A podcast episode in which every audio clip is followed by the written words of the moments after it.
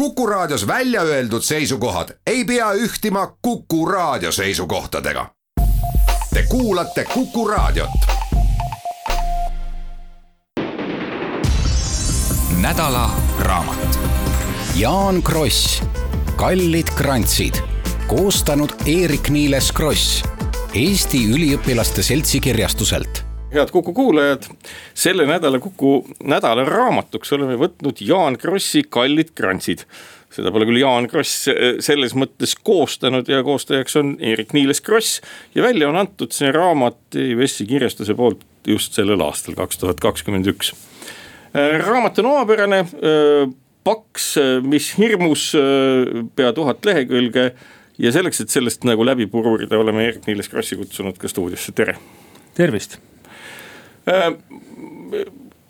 selle raamatu ma sain nii viimasel hetkel, et ma jõudsin sellest äh, noh, vast kolmandiku äh, läbi sirvida, eriti kirjade osa.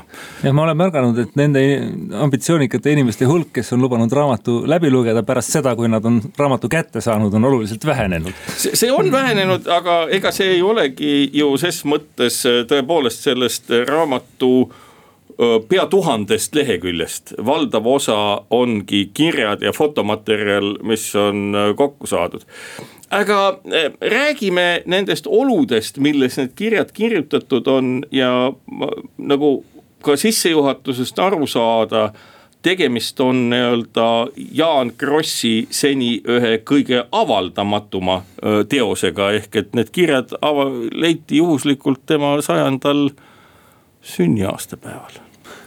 Äh, no peaaegu jah, et võiks ütelda küll, et, äh, et tegemist on Jan Krossi uue teosega selles mõttes, et äh, sisaldab mitusada lehekülge proosateksti kirjade vormis Jaan Krossi sulest, mida noh, on seitsekümmend aastat tagasi lugenud tema tollane abikaasa või tema ema aga laiem avalikkus ei ole neid, neid varem näinud ja mis on noh, Jaan Krossi uurijatele oluline, aga võib-olla ka laiemalt pakub huvi. et on ju olemas Krossi mälestused kirjutatud, esimene köide ilmus umbes aastal kaks tuhat nii et ta kirjutas need vana mehena äh, tagasivaates. raamatust on kallid kaasteelised. kallid kaasteelised, kaks köidet äh,, Krossi mälestused äh, ja noh, tol ajal ta oli selline lugupeetud Parnassil istuv kirjanik, kes siis vaatas tagasi noorusesse. Neid kirju tema siis vangipõlve ja asumisaastate kirju tol ajal tal ei olnud. ja ma arvan, et ta võib-olla isegi ei teadnud, et need on alles just samal ajal, kui ta mälestusi kirjutas, siis tema esimene abikaasa see vang, vang, vangla-aastate aegne abikaasa Helga Pedussaar suri, ta isegi nimetab seda oma kaasteelistes, et, et Helga siin just matsime teda.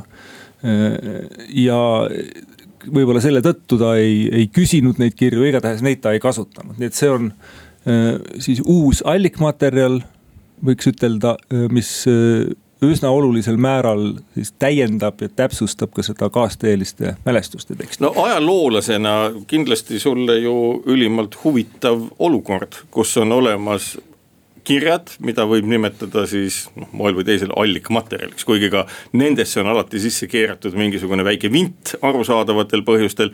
ja siis on äh, su isa enda mälestused. kas need jooksevad kokku või seal on selliseid äh, ähm,, kuidas ma ütlen, nagu sellisest psühholoogilistest põhjusest tulenevaid lahknevusi ka no minu jaoks oli, oli see kirjade lugemise protsess ja, ja siis nende toimetamise ja kommenteerimise protsess tohutult huvitav, loomulikult väga mitmel põhjusel. et ma tegelikult alustasin selle materjali noh, läbi närimist ja, ja seedimist üsna isiklikel põhjustel. Need olid?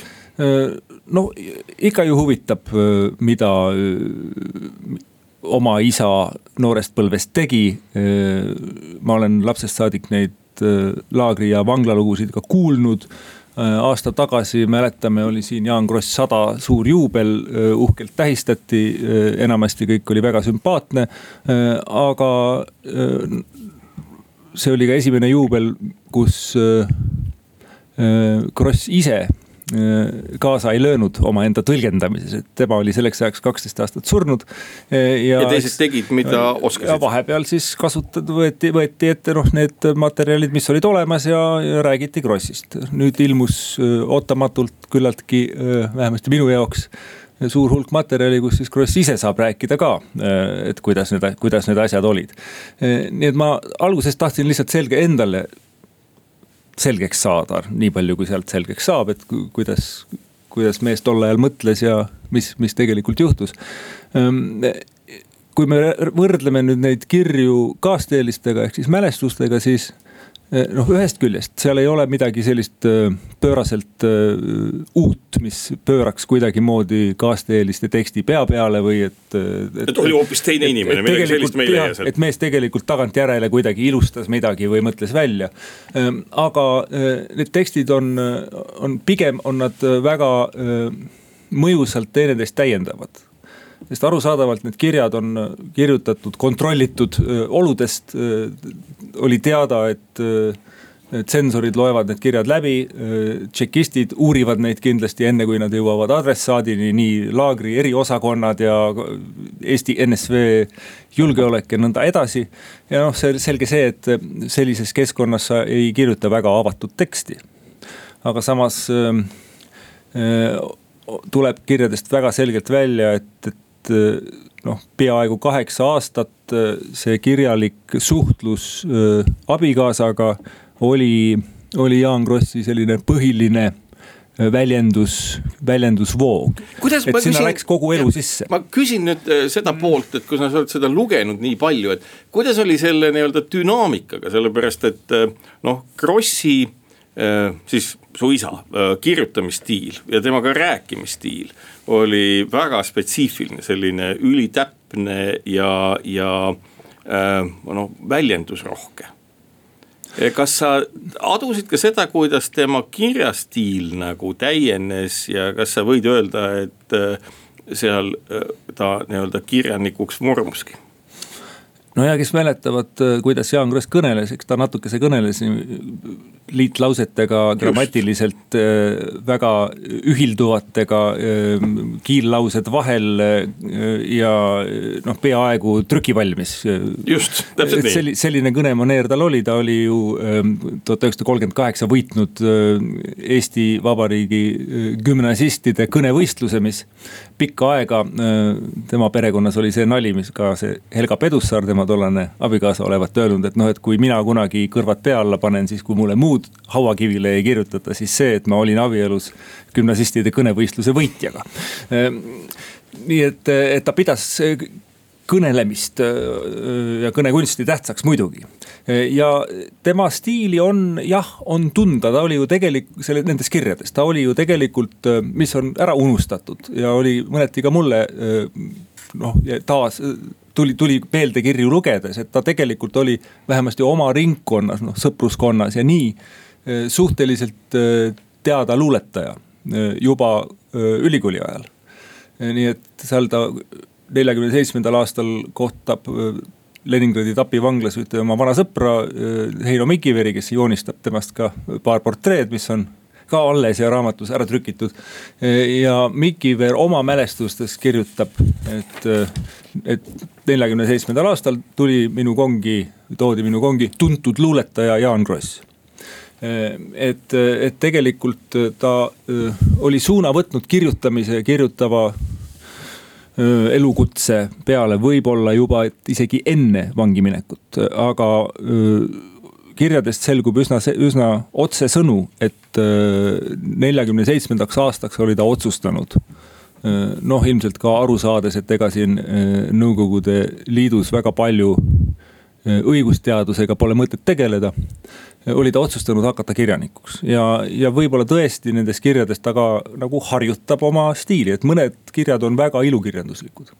aga seal on ka väga lakoonilisi kirju pakisisu teated ja saadad paberosse ja tööpükse, et seal selline ehm, mitmekihilisus on, on, on ja kontrastsus erinevate tekstide vahel moodustab sellise kummalise terviku. sellest aga räägime meie järgmises saates head Kuku kuulajad, meie selle nädala raamatuks, mida me tutvustame, oleme võtnud Jaan Krossi Kallid krantsid.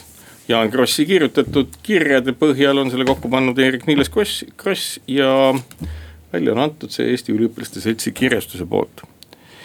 Eerik on meil ka lahedalt äh, lubanud stuudios selgitada seda tööd, mis nende kirjade kallal tehtud ja loomulikult on oluline aru saada ka sellest kontekstist, millises need kirjad kirjutatud ja veidi ka sellest ajaloost.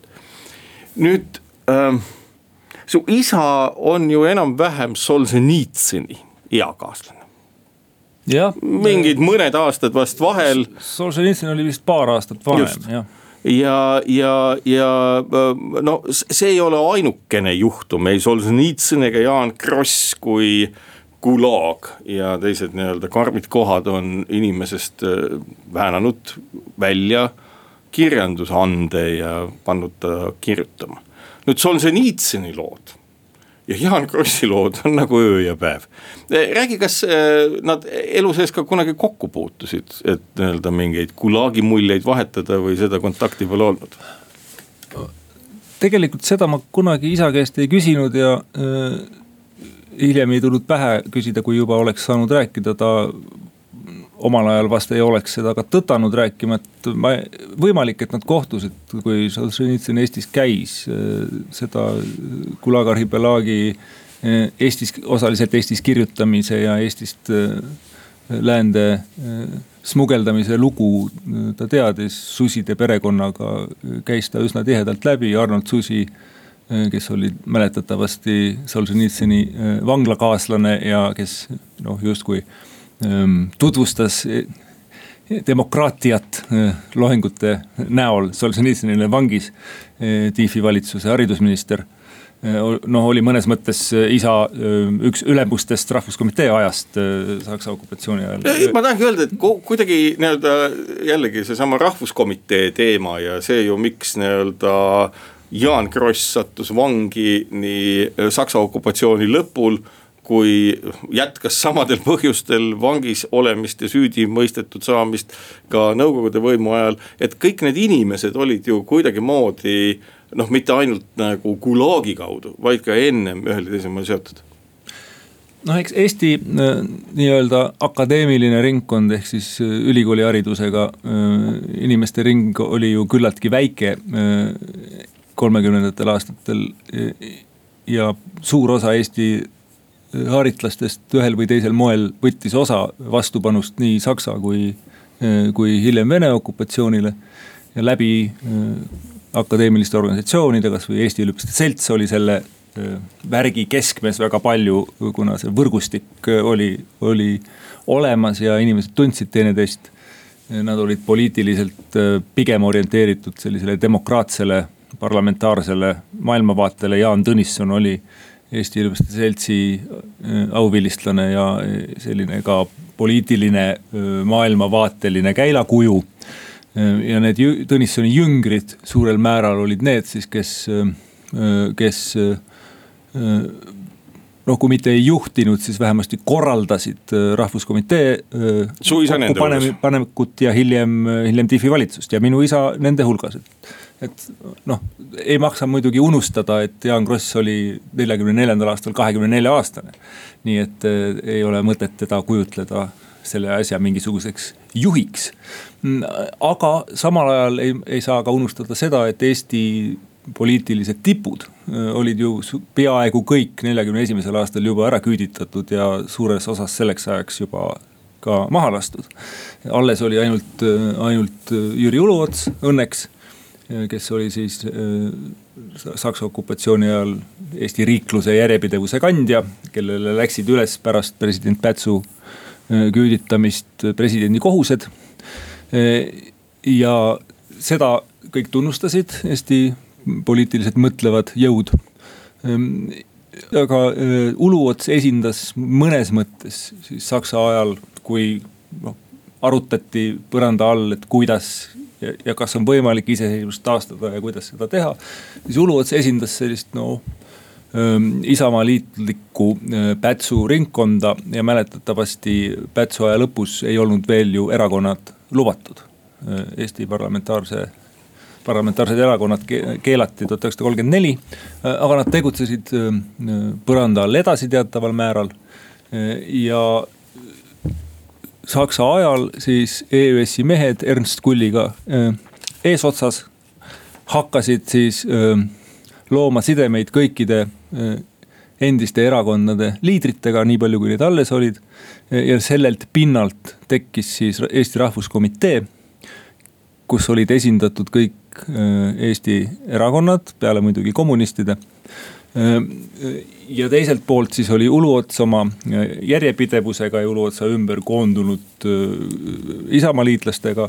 ja need kaks suuremat gruppi, siis Uluotsa tegelikult Uluotsa suurus oligi selles võib-olla, et ta tuhat üheksasada nelikümmend neli ütles, et ei ole võimalik Eesti iseseisvust taastada ilma parlamentaarset demokraatiat silmas pidamata, et kõik Eesti kodanikud peavad olema esindatud läbi erakondade. Nii et siis rahvuskomitee pandi kokku kõikide erakondade esindajate osavõtul ja sellel printsiibil moodustati ka Tiifi valitsus. Ja Jaan Kross oli, Jaan Kross oli üks nendest, kes, kes siis võttis osa põhiliselt informatsiooni kogumisest Eesti välissaadikutele rahvuskomitee kaudu Saksa ajal ma lihtsalt vahepeal ütlen kuulajatele informatsiooniks, et see nüüd ei ole mitte Iiriku nii-öelda lisalugu, mida ta räägib väljapool raamatut, vaid oludest on antud selle raamatu sissejuhatuses ja jooksvalt ka väga hea ettekujutus, et millises kontekstis Äh, nii-öelda tekkis see, et Jaan Kross siis, mis aastal? tuhat üheksasada nelikümmend kaheksa olles siis nii-öelda kummalise nõukogude süsteemi poolt süüdi mõistetud kõiges selles, mida ta teinud oli või ka ei olnud. Jätkas oma elu siis Gulagi masinavärgis ja no kinni võeti ta venelaste poolt juba tuhat üheksasada nelikümmend kuus. nelikümmend kaheksa oli laagrisse sõit, sinnamaale ta istus pag pagarikeldris ja, ja patareis. Ehm, aga kinni õnnestus tal istuda jah, nii Saksa ajal kui, kui Vene ajal ja ta alati armastas rõhutada seda, et ehm, süüdistus oli täpselt üks sama. Ehm, siis tegutsemine Eesti Vabariigi nimel. et see väga ilmekalt äh, ju äh, demonstreerib seda, et, et, et küllaltki sarnased olid need okupatsioonid. ja suhtumises meisse eriti. Äh, ta oligi kohtu all nelikümmend kuus kahe teise mehega. ja need olid Enn Sarv, tema vana sõber ja rahvuskomitee aktivist ja informatsioonitoimkonna juht tegelikult, kellega koos ta töötas Saksa ajal ja Harald Tammur, kellest hiljem sai Tartumaa praost. Ja kes oli siis Tartus selle Ernst Kulli organisatsiooni üks liige ja oli osa võtnud ka neljakümne esimesel aastal Tartu lahingutest ka EÜS-i mehed mõlemad. see süüdimõistmine, mis on, eks ole, et aru saada, et see ei olnud ju mingisugune tavapärane kohtupidamine. see oli noh, nii-öelda, mida tänasel päeval ka harrastatakse, et kirja teel kohtupidamine. saadeti tekst Moskvasse ja sealt tuli otsus. mis see oli, erinõupidamine või kuidas seda nimetatigi? Jah, no see oligi see kuulus, kuulus kohtuväline süüdimõistmine. Stalini aegne süsteem, tegelikult see erinõupidamiste süsteem oli juba juba tsaari ajal olemas, aga bolševikud selle taaselustasid. ja erinõupidamine oli siis ehk troika vene keeles oli siis selline Moskvas asuv äh, julgeolekuministeeriumi juures asuv kogu mis paberite alusel mõistis inimesi süüdi, et seal ei olnud segamas ei süüalust ega advokaati ega kedagi, sinna lihtsalt saadeti toimik. ja tuli vastus. julgeoleku ettepanekuga karistusteks, seal tehti otsus ära, nii enam-vähem protokollina. paberilipakas tuli tagasi ja oligi kogu lugu. edasi seda üldiselt kaevata ei saanud ja sellisel meetodil see asi töötas. aga sellest räägime edasi meie järgmises saates Kuku selle nädala raamatuks, mida oleme tutvustada võtnud, on Jaan Krossi Kallid krantsid, mille on Jaan Krossi kirjade ja oma ajaloolise teadmise pealt kokku pannud Eerik-Niiles Kross, tema poeg. välja antud äh, Eesti Üliõpilaste Seltsi kirjastuse poolt kaks tuhat kakskümmend üks sel aastal ja eelmine saade me lõpetasime sellega, et rääkisime erinõupidamistest ja, ja kogu sellest nii-öelda nõukogude kohtumõistmise veidrustest üsna põhjalikult. kuidas kuidas see süsteem siis seal nii-öelda edasi toimis ja millisesse kaadervärki need inimesed siis tegelikult sisenesid? olid olemas ka äh, äh, muidugi kohtud, Eestis poliitilised asjad käisid siis äh, siseministeeriumi sõjatribunali all, seal, seal olid tavaliselt metsavendade asju ja, ja ka poliitilisi asju ja isa juristina istudes siis noh, ta oli kõigepealt äh, mõned kuud, kolm-neli kuud pagarikeldris, kus teda töödeldi üsna aktiivselt. Äh, kuulati ülekuulamised käisid, käisid seal Pagari tänaval. Äh, siis viidi ta Patareisse ootama siis kohut ja tema muidugi juristina kavandas kohtukõnet ja mõtles, kuidas ta kõik tõendab kohtus ära, et ta pole midagi teinud et see tuli talle siiski eh, teatava üllatusena, et mingisugust kohut kui sellist üldse ei olegi ega tulegi. Küll õnnestus tema abikaasal, kes muide istus ka temaga koos alguses paar kuud kinni, aga pääses siiski tulema Pagari tänavalt. tema abiga-, tema äial ja ämmal õnnestus saavutada läbi mingisuguste tutvuste siis selle asja uuesti läbivaatamine sõjaväeprokuratuuri poolt. et seal oli mingisuguseid eestlasi, kes noh, kuidagi vastu tahtmist küll, aga olid nõus siis äh, võtma selle asja, sokutama nendele Vene polkovnikutele nina ette ja sõjaväeprokuratuur vaatas seda Krossi asja ja tõepoolest esitas Moskvasse protesti selle erinõupidamise otsuse peale, et tuleks vähendada noh, ütlevad, et siin ei ole mitte midagi tõendatud, et võib-olla piisab kahest aastast küll, et mees sai viis. aga Moskvas muidugi äh, selle peale silm ei pilkunud, mitte midagi ei tulnud nagu ikka, ega. et isegi, ise, isegi muide, mis on huvitav, ma olen natukene neid muid asju ju ka vaadanud, et kuidas need sedasorti uurimised käisid et kui Eesti tšekistid olid küll võimelised erinõupidamiselt saama kätte rangemaid otsuseid, keerama kangemaks aga leebemaid otsuseid ei saanud isegi Boris Kumm Moskva sellest erinõupidamisest, et ta on seal proovinud mõnda oma agenti vabaks kirjutada, aga Moskva erinõupidamisest ei halastanud kunagi. tegelikult oli ju ka vaatamata sellisele nii-öelda jaburale ja karmile öö, olukorrale ikka pidi olema ka õnne, et sellest kaadervärgist enam-vähem nagu elusalt välja tulla, et on mitmeid juhtumeid ju isal sul olnud, kus tal on lihtsalt vedanud mingite kaudsete tuttavatega või kogu see haritlaskeskkond, ma saan aru, et mitte ainult Eestis, vaid ka äh, Baltikumi piirkonnas oli niisugune ju piisavalt pisike, et tuttava otsa sattumine oli õnnemoment, neid oli päris mitmeid. Jah, ta ise oli, oli veendunud, et ikkagi kuidagi saatuse sõrm on teda siin ja seal aidanud ja tal selliseid veidraid kokkusattumusi või juhtumusi tuli, tuli selle kaheksa aasta jooksul ette korduvalt. noh, teisest küljest äh, selge see, et, äh, et vähemasti Baltikumist pärit poliitvangid ikka võimalust mööda teineteist aitasid ja see võrgus, võrgustikud töötasid. Nad said laagrites ka, ka enamasti ukrainlastega päris hästi, päris hästi läbi Enn Sarve on, Enn Sarv on näiteks rääkinud, et tema, tema just Vene laagris, teda, teda aitasid juudid üsna palju, sest tema oli olnud ka Saksa koonduslaagris. et mõned need rahvuskomitee mehed ju istusid ka koonduslaagris ja siis tulid tagasi ja enam-vähem otse sõitsid Siberisse. aga isal esimene selline võiks ütelda suuremat sorti ja, ja küllaltki ikkagi ebatõenäoline juhus oli selline, et ta maandus siis pärast äh, patareisid ja tapivanglaid esimeses laagris, mis oli Komis. Äh, Põhja raudteelaager, selline vana Gulagi laager, seal oli juba kolmekümnendate algusest seda laagrit ehitatud, neid Gulagi laagreid ehitati niimoodi vangide tööjõuga, et kui. kõigest, mida saada oli, tehti laager. noh, sitast ja tatist jah, mitte midagi ei olnud saada ja siis, et kui oli uus laager, oli mage lugu, sest pandi mehed lihtsalt taigasse maha või, või tundrasse ja siis nad hakkasid endale barakke ehitama.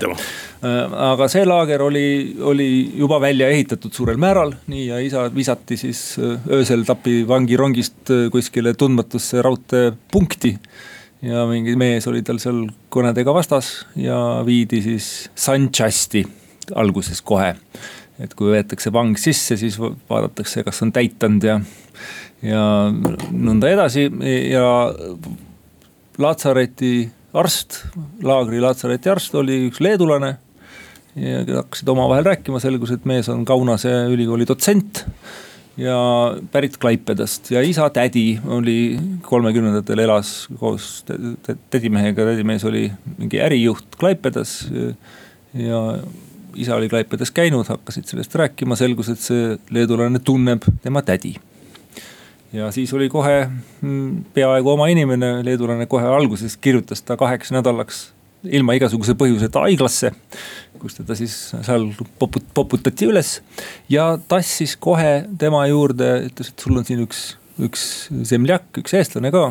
tõi siis eestlase kohale ja selgus, et eestlane on üks kümme aastat istunud äh, Peterburist pärit mees, aga rääkis eesti keelt hästi kes oli kahekümnendatel aastatel äh, üritanud siis Tartu rahu järel äh, Eestisse tulla opt-, optandina, nagu, nagu sai pärast Tartu rahu. Äh, venemeestlased said koju tulla, kui, kui vedas. nii, ja tema oli isegi paar aastat või mõnda aega kahekümnendatel olnud Tallinnas, otsinud tööd endale ja otsinud tööd. Ilmarise tehasest minu vanaisa, isa isa juurest ja selgus, et tema on äh, käinud isa juures kodus kahekümne kolmandal aastal umbes ja Jaan Kross on temas üles istunud. põnnina ja selline mees siis ilmus sinna, sinna Knjaž Pogosti komi Gulagi laagrisse ja muidugi võttis kohe siis. Äh, ja tema oli konstrueerimis, kohaliku laagri, laagris oli konstrueerimisbüroo, kus konstrueeriti mingisuguseid nõukogude majandusele vajalikke asju, näiteks leivaahjusid ja mida kõike veel ja võttis isa sinna siis konstrueerimisbüroosse joonestajaks. oli sul isal üldse mingisugune nii-öelda joonestamisalane oskus, noh? ei, ta, no ta, ta oli tegelikult ju natukene joonistamist õppinud et ta nüüd päris äh, mitte midagi, aga joonestamisest otseselt, noh loomulikult see, äh, no seal oli ju äh, mitukümmend tuhat vangi ja nende hulgas oli tehnikainstituutide professoreid ja dotsente kindlasti sadade kaupa või noh, kümnete kaupa, nii et. et kvalifitseerunumat meest oleks olnud sinna küllalt lihtne leida. Aga vanad, vanad sidemed aitasid, nii et siis tal õnnestus seal olla joonestaja, mis oli küllaltki, küllaltki ikkagi hea amet. ja vahepeal siis, kuna ikkagi joonestaja, siis ta Äh, värvati ka, äh, seal oli üks selline vangide teatritrupp, muide väga paljud tuntud, hiljem tuntud Nõukogude Liidu äh, näitlejad oma karjääri alustasid seal. Železnodorožnõi laagri teatris. siis ta võeti sinna ajuti teatri dekoratsioone tegema ja siis ta joonistas, tegi seal, tal on mõnes kirjas vaimukaid lugusid, kuidas ta jälle noh, sitast ja tatist teeb mingisuguseid totraid butafoorseid asju teatrietenduste jaoks. sellest räägime aga juba järgmises saates head Kuku kuulajad, Kuku selle nädala raamatuks on Jaan Krossi Kallid krantsid, mis on Jaan Krossi kirjade põhjal kokku pandud Eerik-Niiles Krossi poolt ja välja antud kaks tuhat kakskümmend üks Eesti Üliõpilaste Seltsi kirjastuse äh, abil ähm,. Eerik on ka meil ähm, stuudios ja, ja me ähm, pisteliselt siis nagu hüplemegi ühest ja teisest kohast nagu üle. Äh, ma saan aru, et üks oluline nagu murdepunkt äh, selles, äh, selles nõukogude kummalisuses toimuski pärast neljakümne kaheksandat aastat, kui selline tavapärane poliitvangide noh, nii-öelda vangis ja laagris pidamine muutus. Ja tekkisid laagrid, kus olid poliitvangid ja kriminaalid omavahel nagu lahutatud, et nagu tekkiski nagu poliitvanglate süsteem kas pärast seda nii-öelda nendes kirjades, ma saan aru, et see olukord muutus siis nii-öelda nende poliitvangide jaoks üle Nõukogude Liidu. Gulagi oluliselt karmimaks, kas äh, see ka avaldub kirjades mingisuguse väljendina või Jaan oli oma, oma mõttelaadis kindel ja stoiline ja oma heades kirjades, mis olid literatuursed, oli ta nagu oli väga hea ja oma muredes, mida on ju ka kirjade hulgas päris palju, selline ehe ja vahetu kirja, kirjavahetusrežiimi muutused loomulikult kajastuvad. Eks see Gulagi värk ju muutus kogu aeg. midagi keerati karmimaks, midagi keerati mõnikord ka leebemaks. aga jah, laias laastus võib ütelda, et pärast teist ilmasõda mõnda aega oli see värk noh palju leebem, kui ta oli olnud kolmekümnendatel, kui me mäletame kolmkümmend seitse ja, ja need terroriaastad äh, Nõukogude Liidus, kus oli ikka asi päris hirmus ja päris hirmus oli ta ka ilmselt sõja ajal põhiliselt selle tõttu, et, et lihtsalt äh, oli, oli noh, tohutult kogu ressurss läks, läks sõdimise peale ja vangid lihtsalt kärbasid. pärast sõda läks see asi natukene leebemaks ilmselt, need varased Eesti vangid, kes seal nelikümmend neli, nelikümmend viis jõudsid laagritesse. noh, mõnda aega olid suhteliselt leebetes tingimustes, aga noh, see on ikkagi, rõhutame suhteliselt et need laagrid asusid ikkagi enamasti äärmiselt ebameeldivates piirkondades. ja ega seal nalja ei tehtud. no saan aru, et ega komiolud noh, olles ise viibinud üliõpilasena sealt kõvasti lõuna pool. no kus ka talviti, kasvõi näiteks sellises kohas nagu Novosibirsk, mis on ikkagi kõvasti lõuna pool, ei olnud harv, kus õhutemperatuur oli miinus viiskümmend, ma kujutan ette, et komis oli see palju hullem. jah, kirjadest jookseb läbi vist kas viiskümmend neli või viiskümmend kuus miinuskraadi, nii et seal soe ei olnud, eks ole.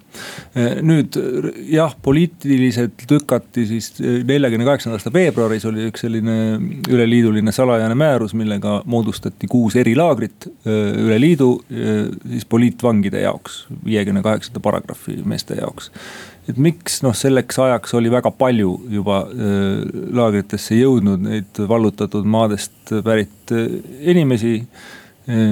Ukraina äh, UPA mehed, neid oli palju ja see oli väga korralik organisatsioon ja nemad hakkasid laagreid sisuliselt üle võtma, see ilmselt äh, hirmutas natukese. Äh, ja teine asi, mis juhtus, oli see, et need kohe sõja järel laagritesse läinud isikud, kes eriti said alguses suhteliselt lühikesi karistusi. et need kahekümne viie aastased karistused tulidki pärast, hakkasid hiljem tulema, siis kui saadi aru, et, et noh, kümme aastat on nii lühike aeg, et mees võib tagasi tulla ja siis otsustati, et paneme need erirežiimiga laagritesse, korjame üle liidu kokku, et nad ei demoraliseeriks platnoisid. Need kriminaale tuleb kaitsta poliitiliste vangide eest ja, ja keerame neile kõvema režiimi peale ja sinna tuli siis ka see äh, asumiste režiim et tegelikult ka Jaan Kross, kui ta äh, nõndanimetatud süüdi mõisteti selle troika poolt, ta sai viis aastat. Ähm, talle hiljem üks laagri eriosakonna mees oli küsinud ta käest, et, et mille eest sind kinni pandi. ütles, et no mind süüdistati, mind süüdistati suhetes Eesti rahvuslastega, Eesti natsionalistidega. ta alati Äh, kasutas mingit sellist vormelit, et ta kunagi ei tunnistanud ju, et tal olid mingid suhted, et mind süüdistati. Äh, siis eriosakonna leitnant küsis, olid siis mingid suhted, ei muidugi ei olnud. mees mõtles natuke, ütles, et no muidugi ei olnud, kui oleks olnud, siis oleks kümme aastat saanud et see viis oli selline tavaline lihtsalt noh, näo, näo nagu ei meeldinud. sest oli, oli ju võimalik panna inimene ka laagrisse eh, siis, kui sul üldse ei olnudki mingit süüteo koosseisu.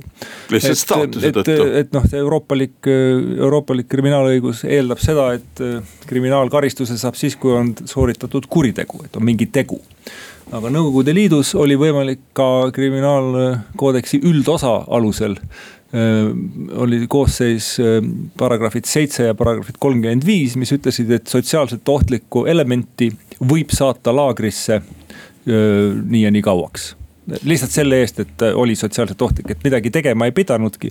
ja paljud Eesti, Eesti vangid olidki selle paragrahvi pealt, et nad noh, ei olnudki vaja üldse midagi tõendada. nii, aga režiimi, kirjavahetusrežiimi juurde tulles, et, et siit sellest raamatust noh, näeb seda üsna, üsna kergesti, et esimesed laagri aastad kui ta oli veel selles tavalaagris nii-ütelda, seal oli kirjavahetusrežiim küllalt piiramatu, jah, tsensorid olid. Ehm, aga seal oli võimalik ka käsipostiga mingite vabade, vabamate vangide kaudu saata neid kirju ja see asi oli küllaltki leebe kirjutamise mõttes. Erilaagris oli niimoodi, et kirjutada tohtis ainult vene keeles nii et äh, juba selle tõttu äh, need vähesed kirjad, mis erilaagrist on, on, on üsna lakoonilised. ma olen nad tõlkinud äh, tagasi eesti keelde. on üsna lakoonilised, on, on veel palju vähem informatiivsed ilmselt ka, ka selle rangema režiimi tõttu. ja neid on vähe üldse, et seal on kahe aasta peale kokku viisteist kirja. Mõne, mõne, mõni mees tohtis kirjutada üldse ühe kirja aastas Äh, et isa puhul tundub, et, et võis pisut rohkem. seal lisandus veel üks asjaolu, et neljakümne üheksandal aastal ähm, oli, oli siis tema abikaasa, kes äh, oli Eestis, äh, Helga Pedussaar, määratud küüditamisele. ja ta sai sellest küüditamisest teada, ta varjas ennast, oli kodust ära, jäi küüditamata aga oli siis natsionalisti perekonnaliikmena äh, noh, selles üleüldises rahvavaenlaste nimekirjas. ja lootust jätkata ülikoolis õppimist ei olnud ja siis ta lahutas abielu äh, ühepoolselt, mis oli tol ajal selline noh, üks väheseid viise pääseda kuidagimoodi võib-olla löögi alt ära. aga see võttis ära kirjavahetusõiguse. ahaa ja siis kirjavahetus käis siis, käis siis vanaema kaudu sest isal ei olnud, noh, mis sa ikka võõrale inimesele kirjutad, eks. miks? kas sul on mingid suhted temaga? aga sellest räägime juba oma järgmises saates.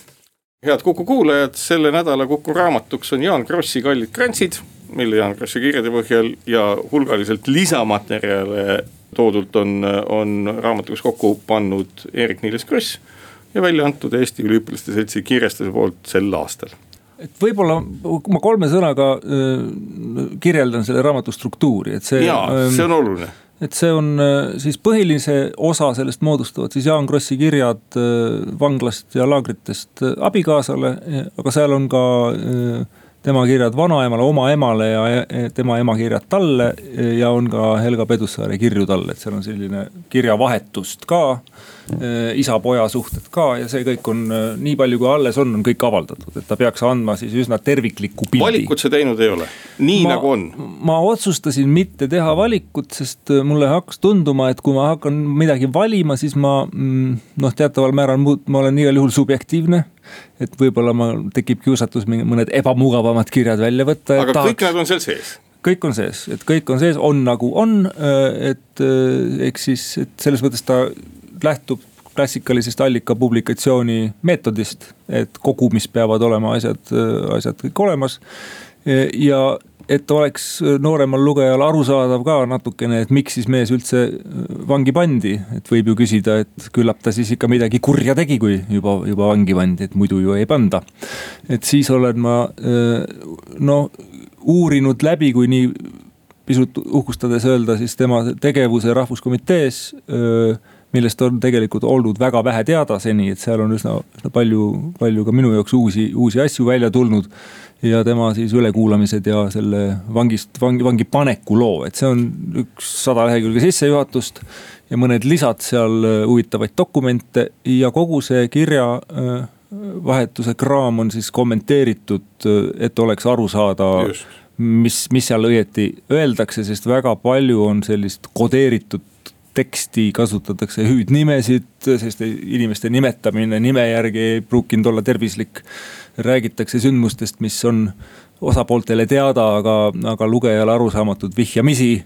ja, ja nõnda edasi, et ma olen üritanud selle personaalia, kes seal läbi jookseb ja see on väga huvitav kõik, sest sealt tuleb välja Eesti sellise kultuuri tollase noorema kultuuriringkonna võrgustik üsna noh, tuntud, tuntud isikuid on seal palju siis kommenteerinud kogu selle asja joone all. Eh, need persoonid lahti kirjutanud.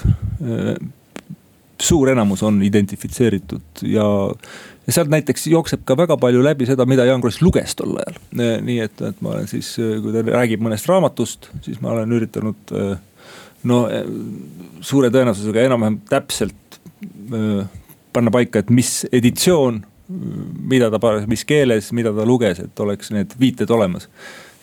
et selline joonealune kommentaar, ma arvan, et hõlbustab mõistmist üsna, üsna palju. ma lihtsalt sissejuhatust lugedes äh, sain aru ühest asjast, et äh, see erineb noh, sellisest, äh, kuidas ma ütlen, nagu ka gümnaasiumiõpikutes üsna sageli sellisest lakoonilisest käsitlusest mis puudutab Eesti Vabariiki, mis puudutab nii-öelda Eesti Vabariigi äh, Äh, võimu eksiili minekut.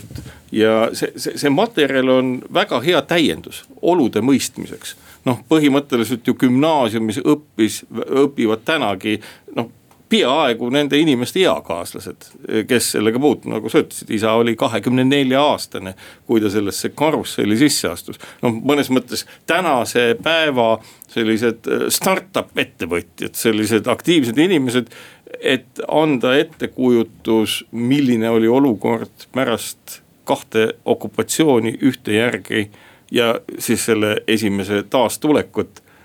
see erineb kõikidest nendest oludest, mida me täna enda ümber näeme. jah, eks need kirjad äh, ju otsesõnu räägivad üsna vähe äh, sellest nii-öelda ajaloolisest kontekstist aga see loomulikult kumab sealt kõik läbi, kogu see jubedus ja õudus, mida, mida ka otse ju väga palju ei kirjeldata, aga, äh, aga sa tajud, et see on seal olemas. et see on noh, ühe sellise õnnetu lõpuks, aga, aga ilusa armastusloo selline areng, mis seal kirjades on ja läbi selle no mulle tundub ka, et on räägitud tegelikult kogu see meie lugu ära niimoodi inimliku prisma läbi, et ma arvan, et see võiks olla päris õpetlik lugemine.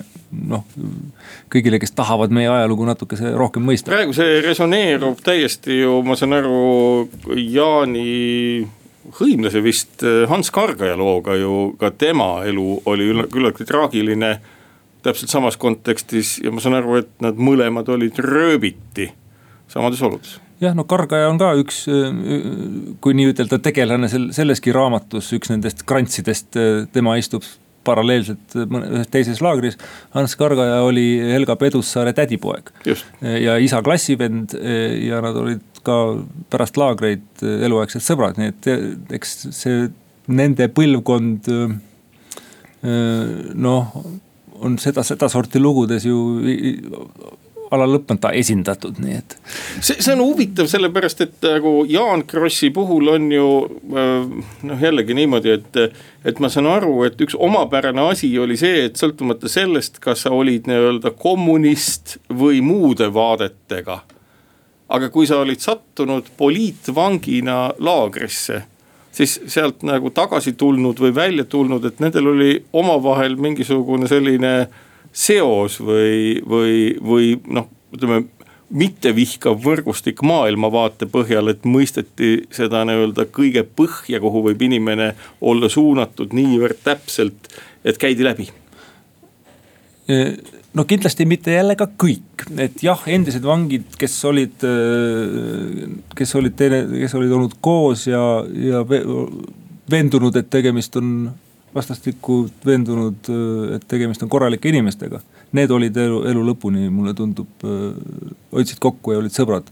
ma olen lugenud ühte KGB aruannet, kus selle mingisugune koputaja on kandnud ette seal viiekümnendate lõpus, et Jaan Krossi juures käivad kodus koos endised vangid. ja arutavad mingeid võimalusi, kuidas tööd leida, et noh, et see on ka kirjalikult olemas, et jah, tõepoolest. ehk töö leidmine oli raske sellise märgiga? ja kindlasti riigivastane töö, töö muidugi, eks ega siis noh, mis on veel võib-olla kogu selle loo juures oluline meenutada, see tuleb sealt ka vähemasti eessõnast natukese välja. on see, et, et noh, pandi mees vangi ja läks laagrisse, aga sellega ei lõppenud ju tema uurimine need poliitilised äh, vangid olid ju jätkuvalt kõik uurimise all või no vähemasti need ohtlikumad. vang, igas laagris oli oma tšekistkond, eriosakond äh, ja noh, ma olen lugenud nendest kirjadest äh, välja ja mälestustest kokku vähemasti üheksa juhtumit, kus mingi, mingisugune provokaator või ilmselgelt keelekandja on seal proovinud midagi välja pigistada, kas Krossi käest või talle mingisugust lõksu seadnud. Mul on üks veel lõpetuseks üks küsimus, kui need inimesed laagrist tagasi tulid, olles harjunud nagu väga kummaliste oludega, siis nad ju sattusid oludesse kus olid inimesed, keda ei olnud laagrisse saadetud, ehk et see nõukogude reaalsus, mismoodi see mõjutas laagrist tulnud inimesi, kas see oli tuttavlik või see oli täiesti võõristav? no need, kes olid pikalt ära e-, Eestist olnud ja tulid tagasi ju kümme aastat, kaheksa aastat hiljem, et eks ühiskond oli palju muutunud ja seda, nendest šokkidest on ju ka kuulda olnud, et linn oli muutunud, vene keelt oli väga palju kuulda, mida varem ei olnud, et see kõik oli veider. ja, ja inimesed olid, need, kes ei olnud laagris olnud, olid ju töödeldud teistmoodi, et noh, et see hirm äh, siin noh, Tallinnas või Tartus oli võib-olla suurem, kui ta oli laagris, olid laagris, no mis sa seal ikka nii väga kardad enam. ja, ja võib-olla neid nahahoidjaid oli ka siis vabaduses, nii, nii nõndanimetatud vabaduses rohkem, et see. Ehm, ja see hüljatus või ütleme, et sind oli ühiskonnast välja tõugatud, et see ju jätkus ka, et ega siis ehm, noh, isa jõudis tagasi viiekümne neljanda aasta jaanipäeval viiekümne viiendal aastal on KGB aruannetest näha, et, et noh, kohe tehti nõndanimetatud formulartoimik, kohe hakati vaatama, mis mees teeb. nuhid pandi sappa ja see jama käis tal ju ikkagi kaheksakümnendate aastateni välja. aitäh, Eerik-Niiles Kross tulemast lahti mõtestamast ta kokku pandud raamatut Jaan Kross, Kallid krantsid. mis on kõigile lugemiseks soovitatav, see võtab küll aega, aga, aga see emotsioon ja olukirjeldus on sealt kindlasti värvikas ja tore. kaunist päeva. nädala raamat. Jaan Kross, Kallid krantsid, koostanud Eerik-Niiles Kross, Eesti Üliõpilaste Seltsi kirjastuselt